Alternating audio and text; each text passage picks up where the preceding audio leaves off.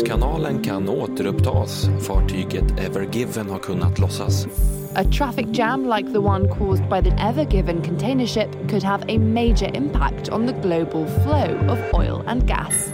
1,6 miljoner containrar på väg till eller från Sverige passerar årligen genom Suezkanalen. The fear is that the Ever Given's blocking of the Suez Canal will lead to global shortages of oil, gas and goods. På en kvart får du reda på varför grundstötningen helt kan komma att förändra industriproduktionen i väst och hur kanalen sedan den byggdes varit centrum för handel, pengar och maktspel. Det är tisdag den 30 mars. Jag heter Karin Bülow Orje och det här är dagens story från Svenska Dagbladet.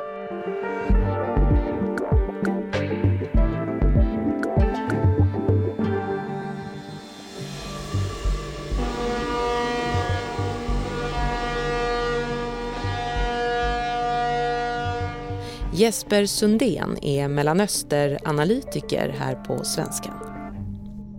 Ja Jesper, det här enorma containerfartyget blockerade alltså Suezkanalen i nästan en vecka med ett inkomstbortfall på 10 miljarder dollar per dygn. Mm, ja, det är fascinerande. Visserligen är det ett gigantiskt fartyg, stort som fyra fotbollsplaner väger 200 000 ton men ändå att ett enda fartyg kan orsaka sån enorm påverkan på hela världen. Mm. Breaking news out of Egypt where officials confirm a cargo ship blocking the Suez Canal is now mostly free. Men hur fick man loss det till slut? Ja, man har ju kört mudderverk och, och man har fått bort 27 eh, 000 eh, kubikmeter sand. Och man har haft eh, boxerbåtar och det har ju varit en ganska, ja man kan ju inte dra för mycket för då riskerar ju båten att gå sönder. Men nu har de lyckats få loss den. Och hur kunde det då gå på grund? Vet man det nu? Har man några teorier? Ja, alltså det blåste ju väldigt hårt. Det var nästan orkanstyrka, eller det var orkanstyrka, det var 30 sekundmeter. Och på något sätt så har man väl när, när det har kommit en vind så har man på något sätt eh, försökt att parera det och, och tagit i för mycket tror jag. Så att man har åkt in då i, i, i kanten och fastnat i den asiatiska delen av kanalen.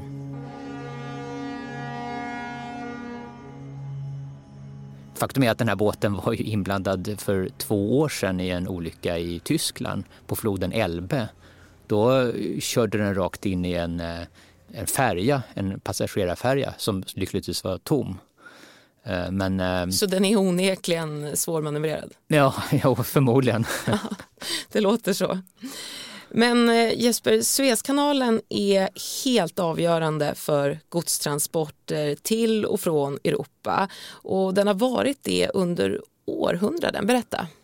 Ja, faktum är att det fanns redan under faraonisk tid så fanns det en eh, kanalförbindelse mellan Röda havet och eh, Medelhavet som via Nilen.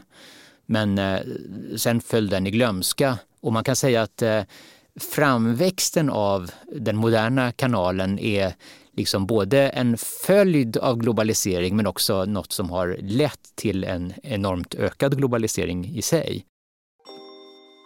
Ja, Suezkanalen har spelat en central roll för utvecklingen av dagens världshandel.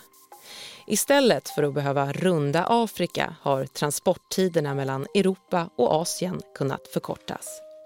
Och kanalens historia sträcker sig alltså långt bak i tiden. Redan 1798 hade den unge franske generalen Napoleon långtgående planer på att koppla ihop Medelhavet och Indiska oceanen. Men man trodde att det skilde åtta meter mellan havsvattennivåerna vilket satte stopp för jättebygget. Men det lustiga var att det var helt fel. Alltså, det var ingen sån nivåskillnad. Så att eh, på 1800-talet, mitten av 1800-talet så insåg man att det här var fel. Det finns ingen nivåskillnad. Och, så, och då var det Frankrike igen, en fransk diplomat som... De som, envisa fransmännen. Ja, som drog igång det här. Och faktiskt en annan Napoleon, Napoleon den tredje, som såg till att det här blev av i samarbete då med den egyptiska paschan som styrde.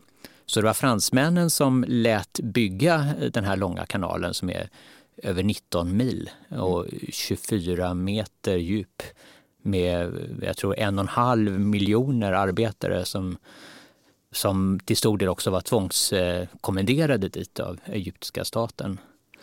Eh, hur har det sett ut geopolitiskt då? Har kanalen eh, varit geopolitiskt laddad eller är? Oerhört eh, laddad. Det här har alltså varit, eh, som sagt, det var fransmännen som byggde kanalen. De ägde eh, kanalbolaget tillsammans med Egypten och det har varit en kamp. Så småningom när den egyptiska passan blev pank så var han tvungen att sälja sina aktier i kanalbolaget och då köpte britterna de här aktierna. Och sen var det liksom en kamp mellan Frankrike och Storbritannien som slutade med att Storbritannien de tog över kontrollen och förde dit trupper och ja, kontrollerade den. Men sen har det skett, ja det har varit inblandat i, i, i strider och krig och, och 1956 så nationaliserade Egyptens president Gamal Abdel Nasser eh, kanalen och blev genom det oerhört populär i hela arabvärlden. Men det ledde ju till eh, Suezkrisen som involverade Frankrike och Storbritannien och Israel. For one aim of the Allied action is to safeguard the canal and the Egyptians have sunk several ships in the channel in an attempt to make it unusable. Storbritannien slöt alltså en pakt med Frankrike och Israel för att ta tillbaka kanalen från Egypten. Men efter ett misslyckat angrepp och påtryckningar från både USA och Sovjet så tvingades länderna dra sig tillbaka. Sedan dess har denna smala kanal som skiljer Asien från Afrika åt styrts av egyptiska myndigheter och är idag, tillsammans med turismen, landets största inkomstkälla. Den drar in 5 miljarder dollar årligen. Och kanalen den har fortsatt att användas som geopolitiskt maktmedel. Det har varit sexdagarskriget 73 när Israel erövrade Sinai. Det ledde till att eh, Egypten stängde kanalen under åtta år. Anledningen var att man skulle rensa bort minor och sådär och det gjorde man säkert men, men åtta år det var nog förmodligen också ett sorts hämnd mot västvärlden som hade stött Israel. Men har huvudsyftet för Suezkanalen alltid varit just handeln? Ja, i, i modern tid, alltså sedan 1860-talet då, mm. när den invigdes. Och, och, när började vi då se den här ökade eh, handeln eh, som vi ser idag där Suezkanalen spelar en stor roll för globaliseringen? Ja, den stora explosionen skedde ju egentligen i och med att eh, med Deng Xiaoping i, i Kina som, som beslöt att man, kommunistpartiet skulle behålla makten i, i Kina men man skulle använda sig av kapitalism för att utveckla landet. Och då, det ledde ju till en enorm utveckling av Kina och Kina blev hela världens verkstad och tillverkare av konsumtionsvaror av alla de slag. Och det är ju, även om Japan och Taiwan innan dess och Hongkong i viss del hade stått för det här så blev det något helt annat när, när det enorma Kina eh, reste sig. Normally about 50 ships pass through the Suez Canal each day carrying 12% of the world's trade.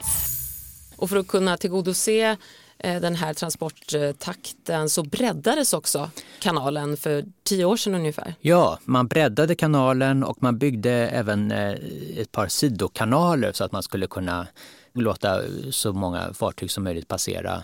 Men just den här delen där Ever Given fastnade, det, det breddades inte för det tyckte man var för dyrt och behövdes inte. Det kanske man ångrar idag. Det ångrar man nog idag, ja. Men, men, men å andra sidan så, så är det ju egentligen inte det som är problemet utan eh, alltså, det här skeppet skulle ju kunna föras fram eh, säkert. Vad är problemet då? Problemet är ju att det är, de, de lastar dem, tror jag, alldeles för, för tungt. Mm. Så att de blir eh, omanövrerbara om det uppstår minsta problem. Men hur hamnade vi i ett läge där 50 sådana här enorma, kanske inte lika stora som just det här, men ändå enorma fraktfartyg passerar genom Suezkanalen varje dygn? Ja, det har ju med ekonomi att göra. Att eh, ju mer man kan lasta på ett fartyg desto mindre kostar ju frakten av varje enhet. Och sen har det ju att göra med att också med utvecklingen i väst att vi har gått över från att ha lager Eh, av varor eller beredskapslager som, som vid corona, skyddsutrustning och, och, så vidare så, så har vi eh, inrättat ett system där vi kan få leveranser när vi behöver dem av, av varor eh, i rätt mängd. Det som kallas just in time systemet och det det har ju varit en otrolig fördel när det fungerar för man slipper lagringskostnader och Ja, men det har vi ju sett både ja, först med, med covidkrisen men nu också med det här då, inte helt oväntade problemet. Det här, egentligen är det konstigt att det inte händer oftare att någon båt kör fast.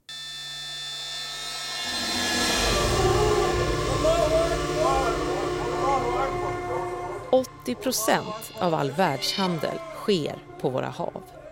Och tidpunkten för grundstötningen kunde inte varit sämre. Pandemin har redan rubbat världshandeln i flera led.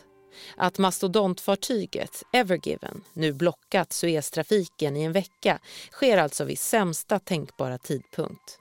Fler fartyg och containrar kommer i än större utsträckning att befinna sig på fel plats och på fel sida av kanalen och kommer därför inte kunna lastas i tid för att passa in i det komplexa flöde som världshandeln idag utgör.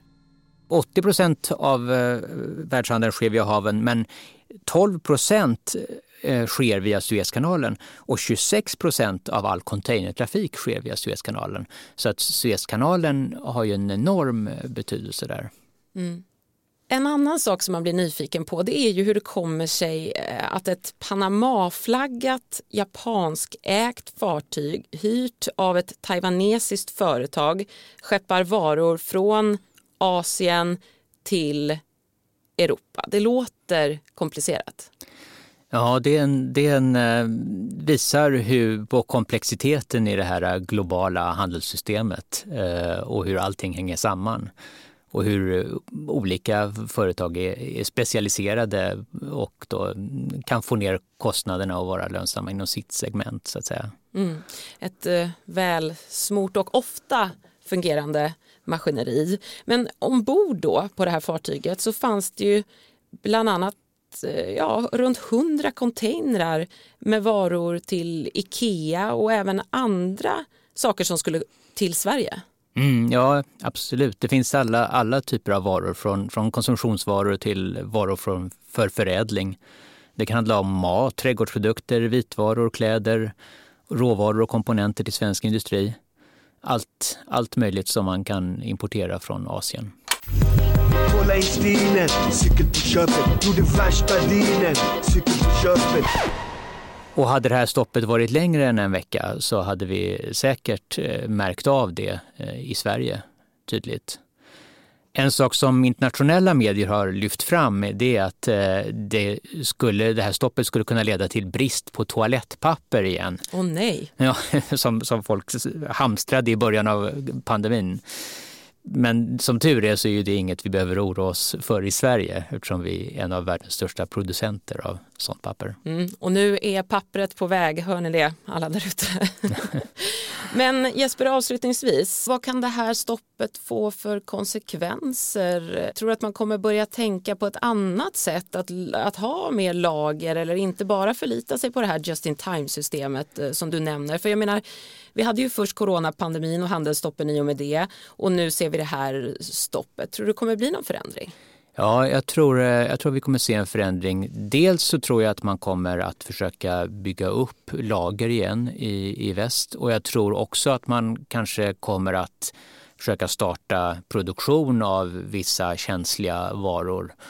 Men jag tror också att eh, jag menar, 3D-tekniken, eh, printtekniken har ju funnits ganska länge nu men inte riktigt fått den här stora betydelsen. Men jag tror att jag menar, komponenter, det, det i de här last, eh, stoppet så har det fastnat laster av, av känsliga komponenter och varför man skickar dem på haven och inte printar ut dem. Ja, det är väl en kostnadsfråga men, men jag tror att i framtiden, jag tror att vi kommer se många fler som vill printa ut du de här istället. Du spår en 3D-printsrevolution? Ja, ja, det tror jag. Mm.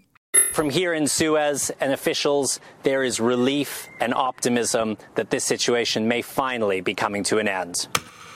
Tror du att den här olyckan kan ge andra ringar på vattnet?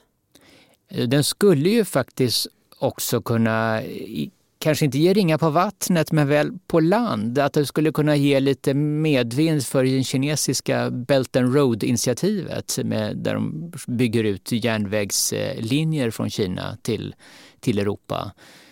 Och Kina är ju just nu, ligger i konflikt med USA och även med Europa. Och så, att, så att just nu så, så, så kanske inte alla välkomnar det men, men, men på sikt så skulle det kunna ja, göra det mer attraktivt.